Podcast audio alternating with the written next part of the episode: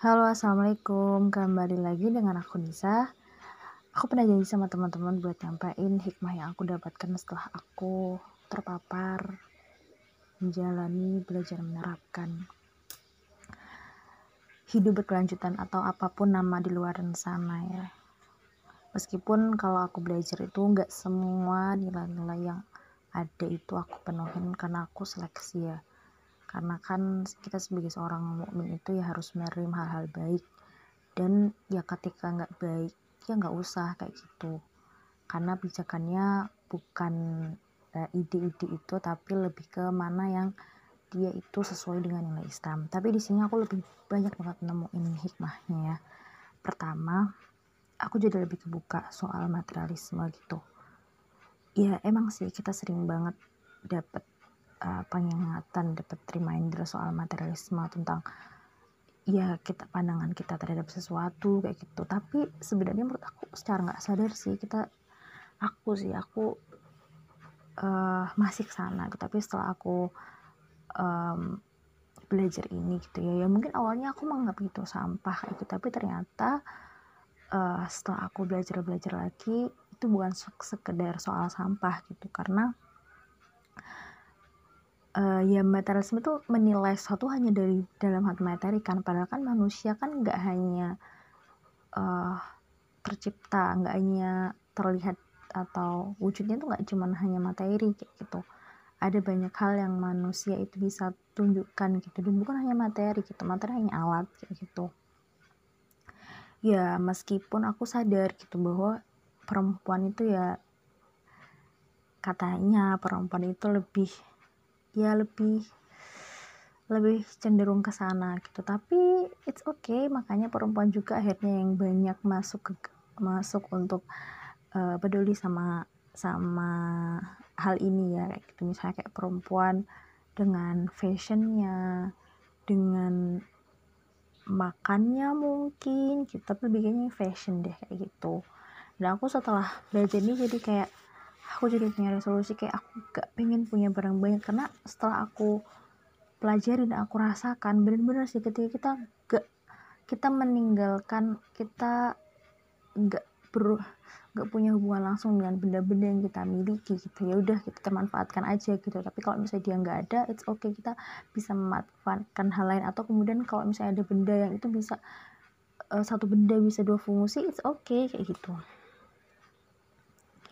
awalnya sih aku mikir itu sampah ya tapi ternyata ya itu nanti akan ada hisapnya gitu. Dan ternyata terakhir yang aku rasakan adalah ketika aku punya banyak barang gitu tuh aku jadi punya banyak apa ya penghab, waktuku habis untuk memikirkan hal itu gitu. Padahal ada banyak hal yang bisa aku pikirkan kayak gitu.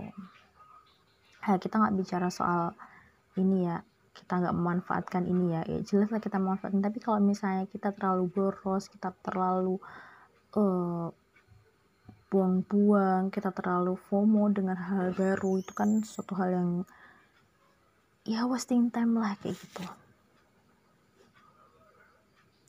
Oke yang kedua adalah lebih optimis karena kehadiran alam sebagai pendukung hidup manusia. Kuncinya yaitu berjuang sungguh-sungguh dan menjaga serta melestarikan lingkungan, melestarikan alam. Kayak di surat Al-Mulk ayat 15, dialah yang menjadikan bumi untuk kamu yang mudah dijelajahi, maka jelajahilah di segala penjuru dan makanlah sebagian dari rezekinya dan hanya kepadanya lah kamu kembali gitu. Jadi kayak ya udah hidup manusia di dunia itu sebenarnya udah tercukupi gitu. Ya Allah menyediakan model-model yang ada ya, entah itu dari alam segi alamnya Allah menyediakan segala macam eh, bahan dari makanan, energi, dan lain sebagainya. Juga manusia-manusia yang ada di dalamnya gitu yang akhirnya membantu kita, mendidik kita kayak gitu. Dan apa ya? Aku juga pernah ter ini sih ter apa ya, aku pernah bertanya-tanya gitu. Kalau misalnya kita itu disuruh untuk uh, mensyukuri apa yang ada gitu. Kita lebih memprioritaskan hal-hal yang sifatnya lokal di sekitar kita gitu. Yang sesuai dengan musimnya tanpa memaksa kayak satu tanaman itu bisa uh, memenuhi kebutuhan kita sepanjang tahun gitu kan. Aku jadi mikir gitu apakah sebenarnya gitu ya di setiap daerah yang notabene tuh setiap daerah kan punya ciri khas masing-masing ya secara uh, karena kondisi fisik geografisnya kan. Maksudnya jadi tanaman-tanaman yang ada di sana tuh jadi uh, variatif gitu apakah sebenarnya itu tuh loh yang dibutuhkan sama orang-orang situ kayak gitu? Dan juga aku tadi mikir gitu kenapa sih makanan tuh harus ada musiman kayak gitu?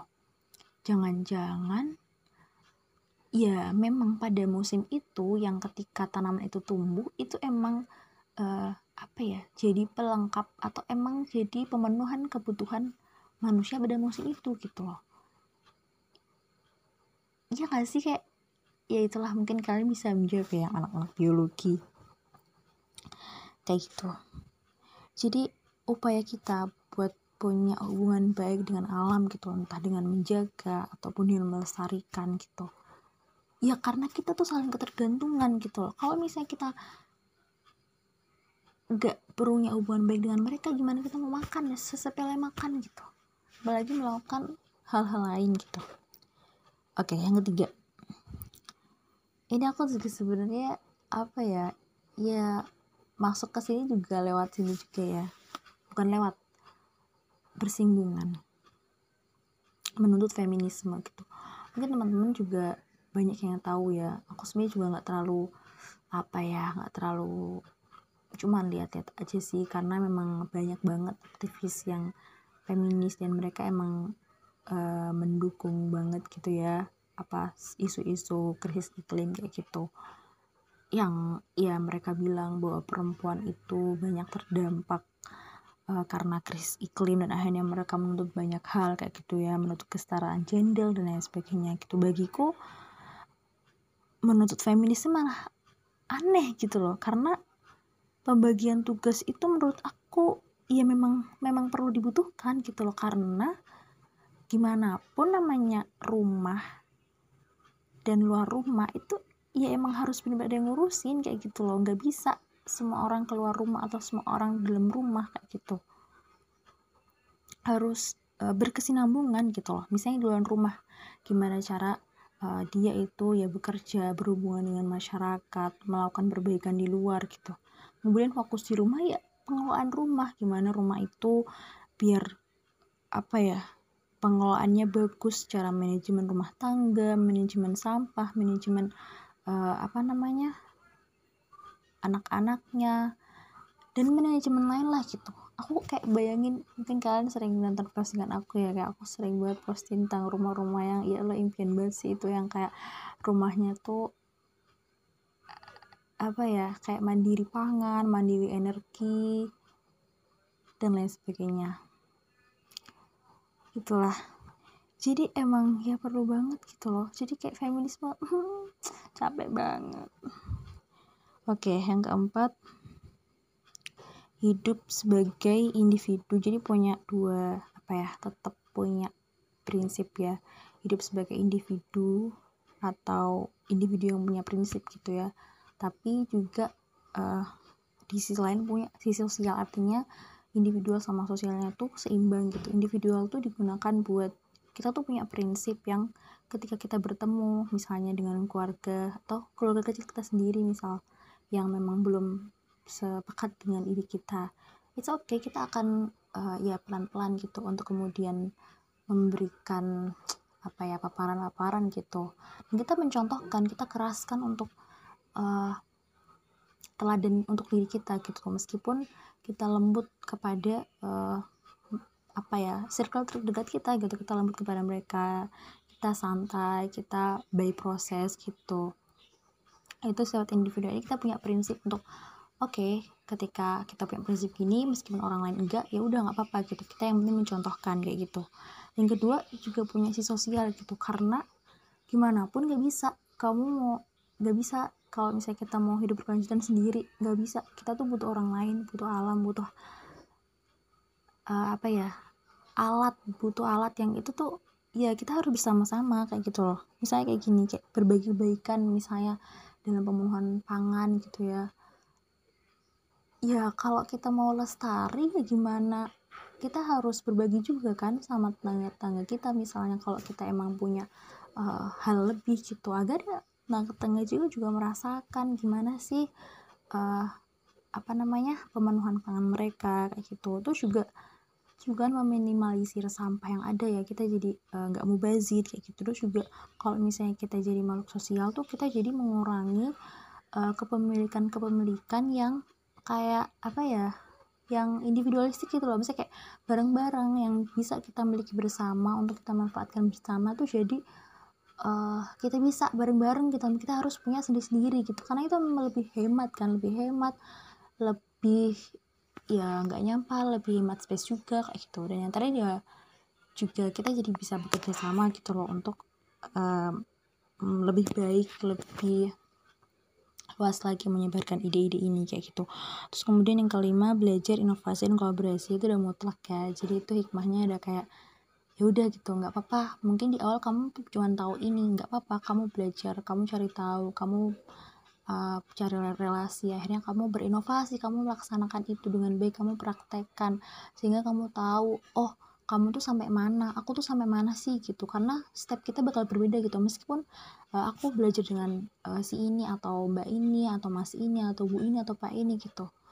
Mungkin mereka lebih keren atau mungkin mereka uh, dari step mana mereka belajar tapi tetap aja kita semua tuh punya step yang beda-beda yang itu bisa yang itu harus kita sesuaikan dengan apa yang kita punya kayak gitu dan kolaborasi itu ya penting banget sih karena gak mungkin kan kita bisa sendiri kayak gitu kita butuh orang lain untuk uh, terus menjadi mitra belajar kita, mitra uh, berinovasi kita dan sebagainya.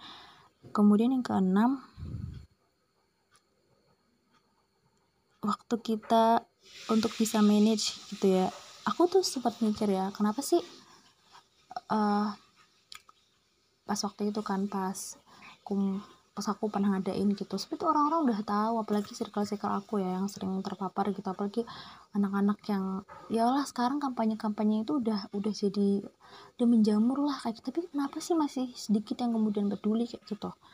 Ya menurutku ya karena nggak punya waktu nggak punya waktu untuk ngurusin hal sepele itu ngerasa nggak penting nggak punya waktu karena waktunya udah dipakai hal lain yang menurutnya penting. Ya emang sih semuanya penting tapi menurutku manajemen waktu ini yang akhirnya bisa jadi satu solusi untuk kita ngeguide semua hal yang emang kita jadi jadi tugas kita kayak gitu.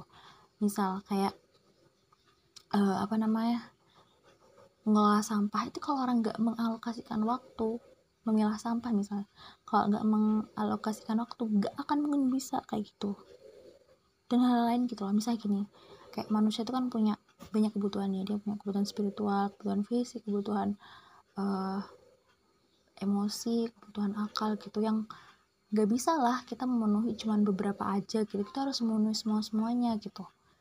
Yang mana kalau kita mau benar-benar maksimal memenuhi semuanya ya kita harus benar-benar bisa manfaatkan waktu gitu. Aku jadi sadar sih kenapa sih ada orang-orang benar punya waktu buat sekedar milah sampah atau kemudian belajar yang bagi orang lain tuh kayak apaan sih? Nggak penting banget. Ya karena mereka tuh prioritas waktu mereka ada gitu. Mereka menganggap semua hal itu penting dan semua hal itu uh, mereka prioritaskan untuk hal-hal yang emang gitu. Itu sih. Manajemen waktu sih bener-bener. Karena ya ketika manajemen waktu itu selesai akhirnya selesai kita memanage diri kita kita akan selesai untuk belajar hal-hal baru kita belajar menyelesaikan hal-hal lain gitu yang di luar tugas-tugas kita kayak gitu. Kemudian di luar tugas-tugas dalam kita ya misalnya kalau kita kontribusi dan lain sebagainya kan kita juga butuh waktu ya. Kemudian yang ke enam eh ke tujuh aku jadi mikir ya maksudnya ya kalau misalnya kita mau belajar untuk uh, punya hubungan baik dengan alam tuh it's okay bagus gitu. Tapi sekali kita tuh nggak bisa sempurna gitu. Ya kayaknya aku kan aku udah nyampein juga kan di situ kan di aku yang aku bilang bahwasannya ya sampah tuh ibarat air gitu loh. Aku mikir kayak ya emang sih mau kita seusaha apa pun gitu kita juga punya keterbatasan gitu. Apalagi kita manusia kita nggak bisa ngandelin kita gitu. Meskipun kita ada usaha semaksimal mungkin gitu. Kita nggait orang-orang kita berusaha semaksimal mungkin kita ubah gaya hidup kita kita ubah uh, apa namanya cara pandang kita gitu. Tapi tetap aja manusia tuh ada lemahnya. Manusia tuh tetap kadang salah sotoy orang terpaksa dan lain sebagainya gitu. Dan atau yang aku yang aku pegang ya. Ya terus kembangkan niat dan kita terus belajar gitu untuk mempraktekkan hal, hal itu hal, hal baik itu. Kita latih diri kita untuk bisa lebih baik gitu. Selebihnya kita minta sama Allah buat Allah yang memudahkan gitu. Karena gimana pun kita semua tahu ya bahwa ya nanti pas akhir zaman itu uh, bumi ini akan kembali hijau lagi gitu akan bagus lagi gitu. Ya kalau kita pikir orang manusia sekarang ya jauh ya kita pikir ya cuman kalau kita mikir gitu kan berarti kan ya emang itu kuasa Allah gitu. Itu bukan karena perbuatan-perbuatan kita yang sok-sok si paling aktivis. Enggak itu mah itu kuasa Allah benar-benar kuasa Allah gitu. Yang bisa kita lakukan apa? Ya kita ya kita lakukan apa yang bisa kita lakukan sekarang gitu. Biarkanlah Allah yang uh, menilai itu gitu. Biarkanlah Allah yang menyelesaikan semuanya. Biarkanlah Allah yang meneruskan memberikan kita uh, ganti orang-orang setelah kita yang melanjutkan perjuangan kita gitu mungkin itu sih ya teman-teman. Semoga nyambung ya. Oke kalau nggak nyambung ya gak apa-apa diskusi aja. Oke selamat malam